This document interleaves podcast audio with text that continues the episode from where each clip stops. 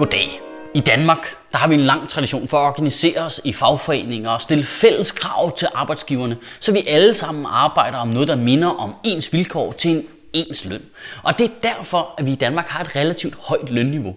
Men det system bliver konsekvent udfordret af arbejdskraftens frie bevægelighed i Europa, af muligheder for at tjene penge på internettet, og nu også de nye deleøkonomiske forretningsmodeller som Uber og Airbnb og GoMo. Men den primære grund til, at det udfordrer vores system, det er, at de nye forretningsmodeller er billigere.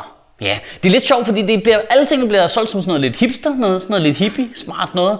Ah, men det er faktisk uh, super smart. Så kan man bare lige, uh, lige tage en ny app og lige taste ind, og så kan man også lige selv vælge sin musik. Ja, og så er det også 30% billigere. Jamen, det er super smart, så er det hyggeligt, så kan man bare lige bo hjemme hos nogle andre mennesker. Ja, og så er det også lige 30% billigere. Det er faktisk mere miljørigtigt at køre en masse sammen til Jylland. Ja, ja, ja. Og så er det også rigtig meget billigere. For at finde ud af, om nye ting er populære, fordi de er nye og smarte, eller fordi de er billige, så kan vi lige lave sådan en øvelse, hvor man siger, jamen hvis du skulle betale det samme for de to ydelser, hvilken en vil du så vælge? Hvis du skulle betale det samme, hvad vil du så vælge? Bo hjemme hos nogle fremmede mennesker, eller bo på hotel? Det er ikke så svært at vælge, synes jeg.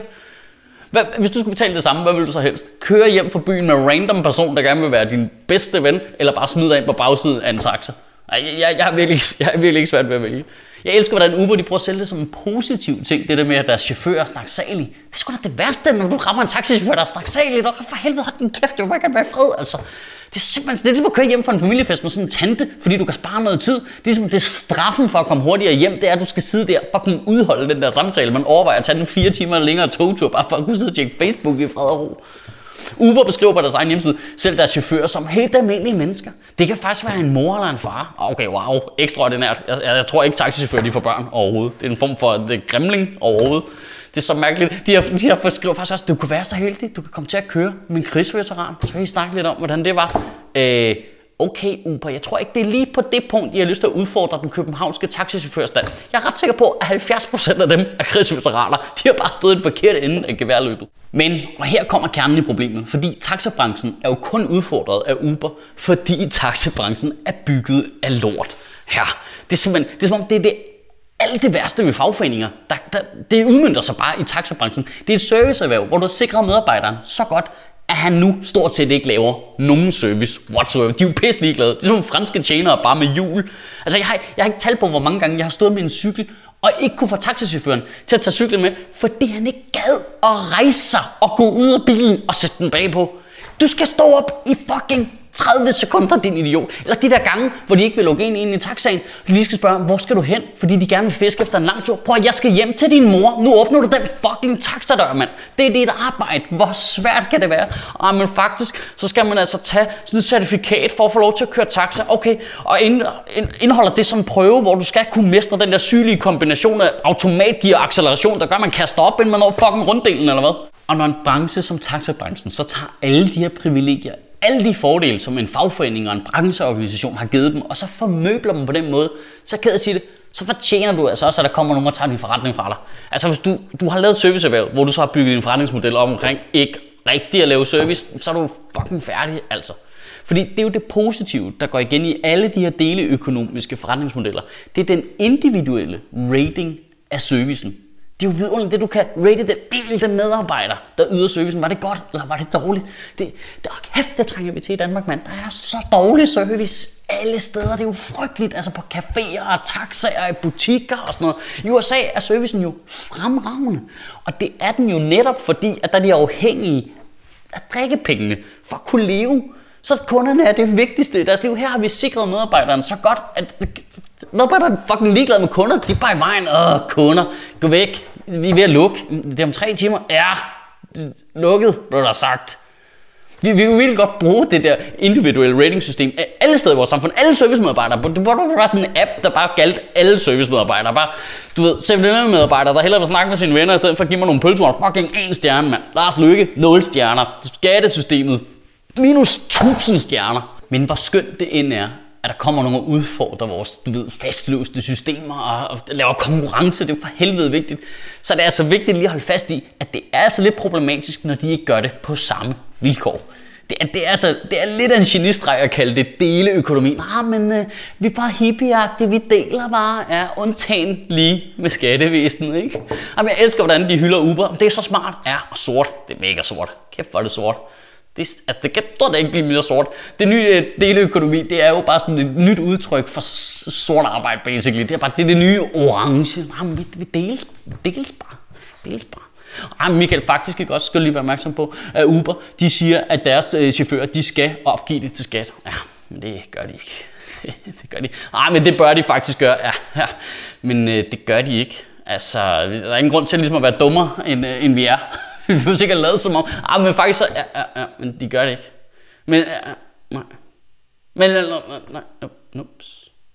Uber er smart og sort. Jeg elsker, hvordan alle fuldstændig ignorerer det.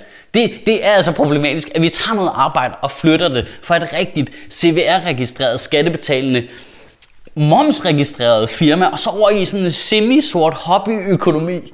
Det, det er jo super underligt. Vi skal også altså huske på, at det er nogle menneskers arbejde, vi ligesom tager og flytter ligesom ud i mørket.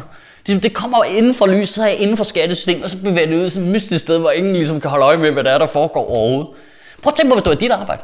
Prøv at tænke på, hvis det var dit arbejde. Hvis jeg nu kommer og sagde, at jeg er, sådan en, øh, jeg er en Uber-håndværker. Ja. Du kan da lige ringe til mig, hvis du lige skal hænge nogle lamper op. Det, jeg, ordner det lige. Det er typisk øh, 25% billigere end almindelig håndværker, fordi er mistænkeligt, lige, det er lige præcis momsen billigere faktisk. Super mistænkeligt på en eller anden måde. Ja. Nej, ved du hvad? Jeg, jeg, jeg kan faktisk også bare være sådan en Uber øh, børnehavepædagog vikar. Hvis det er nogen nede i din institution lige er syge, så kan I bare ringe til mig. Jeg arbejder til 30% under overenskomsten. Ja. Du kan godt se, hvor jeg vil hen, ikke? Prøv jeg er ikke et sekund i tvivl om, at deleøkonomi, det er fremtiden på en eller anden måde. Det er pisse smart, og det er øh, ressourcebesparende også. Men vores skattesystem er slet ikke givet til det. Altså vi har et skattesystem, der ikke opdager det, hvis der er nogen, der svindler dem for 9 milliarder kroner. Hvordan fuck skulle de nogensinde opdage det, hvis Torsten han lige kører 1100 kroner ind en fredag aften altså. Og så er problemet, så flytter vi pengene væk fra fællesskabet og ud i mørket. Og, og Jesper, jeg skal ikke spille heldig men det skat der. Jeg kommer selv fra en stand-up-branche, der er fucking bygget af sorte penge. Altså, det er helt vildt. Ah, men stand-up, det er faktisk ikke statsstøttet. Øh, jo, det er. Det er ufrivilligt statsstøttet. Det kan godt være, det var en kæmpe skandal, da man fandt ud af, at der var nogen, der havde svindlet skat for 9 milliarder. Men bare vent til folk, de finder ud af, hvad Uffe Holm er gang. Og hvis du så oven i det ligger, at virksomheden Uber ikke betaler skat i Danmark.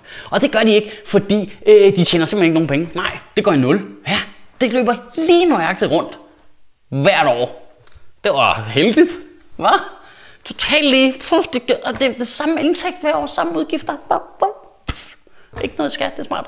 Og hvis du så oven i det lægger en af hovedinvestorerne i Uber, det er Goldman Sachs så bliver det hele lidt mere ulden. Ikke? Altså et firma, der notorisk er kendt for at bevæge sig på kanten af alle finansielle regler nogensinde. Min pointe er bare, at det er ikke så sort-hvidt. Det er ikke lige sådan, ah, men Uber, det er bare sådan en hipster, se mit skæg, jeg kan lige have en app og telefon. Ja, og så er det også Goldman Sachs. Det skal vi bare også lige huske. Det skal også lige, skal lige med ind i beregningen på en eller anden måde. Det er vildt vigtigt at understrege, at jeg har intet imod konceptet Uber, men det irriterer mig bare, at folk de er så lidt kritiske over for det. Prøv, når Ryanair de dumper priserne, fordi de opererer på nogle helt andre vilkår end de andre luftfartsselskaber. Fordi du ved, stewardesserne, de kræfter mig selv skal betale for deres tøj, og nærmest skal betale for at sige op og stort set flaks selv med armene for at få flyet til at let. Så er der ramaskrig, det er kæmpe ballade. Men når Uber dumper priserne, fordi de opererer med nogle helt andre forudsætninger, hmm, så er det sådan lidt hipster cool. Jeg synes, at vi er nødt til snart at tage en lille smule ansvar for vores samfund som danskere. Fordi vi er alle sammen enige om, at det her samfund det fandme godt. Du ved, resten af verden kigger på, hvordan vi gør her. Fordi det fungerer vildt godt. Vi har høj flex security. Folk kan skifte arbejde, og de bliver passet på, når de ikke har noget arbejde. Det, det er et super fedt system. Men det er som om, vi som danskere ikke forstår nogle helt grundlæggende mekanismer. Det er sådan lidt, ej, hvorfor har de gjort det sværere op til en dagpenge? Nå, flybilletter, dem køber jeg da lige på Ryanair. Det er ikke noget problem overhovedet. Ah, når folk kommer til det her land, så skal de kraft med bidrage. Man skal ikke bare sidde og næste. Åh, pirattaxa, det tager jeg lige. Det er ikke noget problem overhovedet. Ah, fucking østeuropæer. De skal ikke komme her og underbyde vores løn. Hey, vil du låne min lejlighed for en femmer? Hvad? Hvad? Hvad? Du har kraftigt lige sat jer lidt ind i tingene, mand. Altså, Bror, at der er lige lavet en ny undersøgelse fra Skat, der viser, at danske virksomheder og privatpersoner har flyttet over 1000 milliarder kroner i skattely.